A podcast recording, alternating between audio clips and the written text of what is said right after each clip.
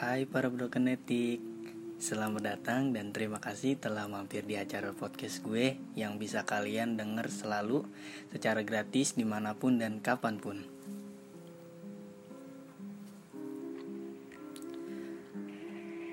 Apa yang akan lo semua lakuin Kalau misalkan orang-orang terdekat kalian Tetangga, teman, bahkan orang tua lo Berpandangan lain jika melihat lo Bang, Kok terlalu to the point? Kenapa langsung larut ke pembahasan berat gini? ya emang ini isi awal dari episode yang akan gue bahas kali ini.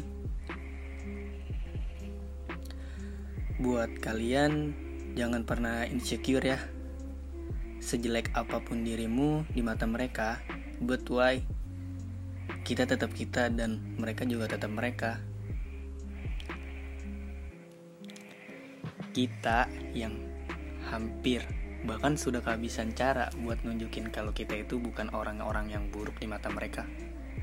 Maka dari itu, mulai sekarang jangan pernah pikirin orang-orang yang udah anggap lu beda selama ini. Dan intinya, lo semua harus lanjut berjuang. Buat kalian yang lagi dengerin podcast gue, maaf ya kalau misalkan dalam rekaman ini agak berisik Soalnya gue tag podcast ini habis hujan, makanya banyak suara kodok. Yuk kita lanjut ke pembahasannya. Tunjukin kalau pikiran mereka itu salah tentang kita. Dari kelakuan sifat, bahkan keseharian juga harus sedikit diubah. Yuk, kita cari letak di mana diri kita yang udah bikin mereka gak nyaman. Ayo kita ubah dikit demi sedikit diri kita. Ayo kita kuat.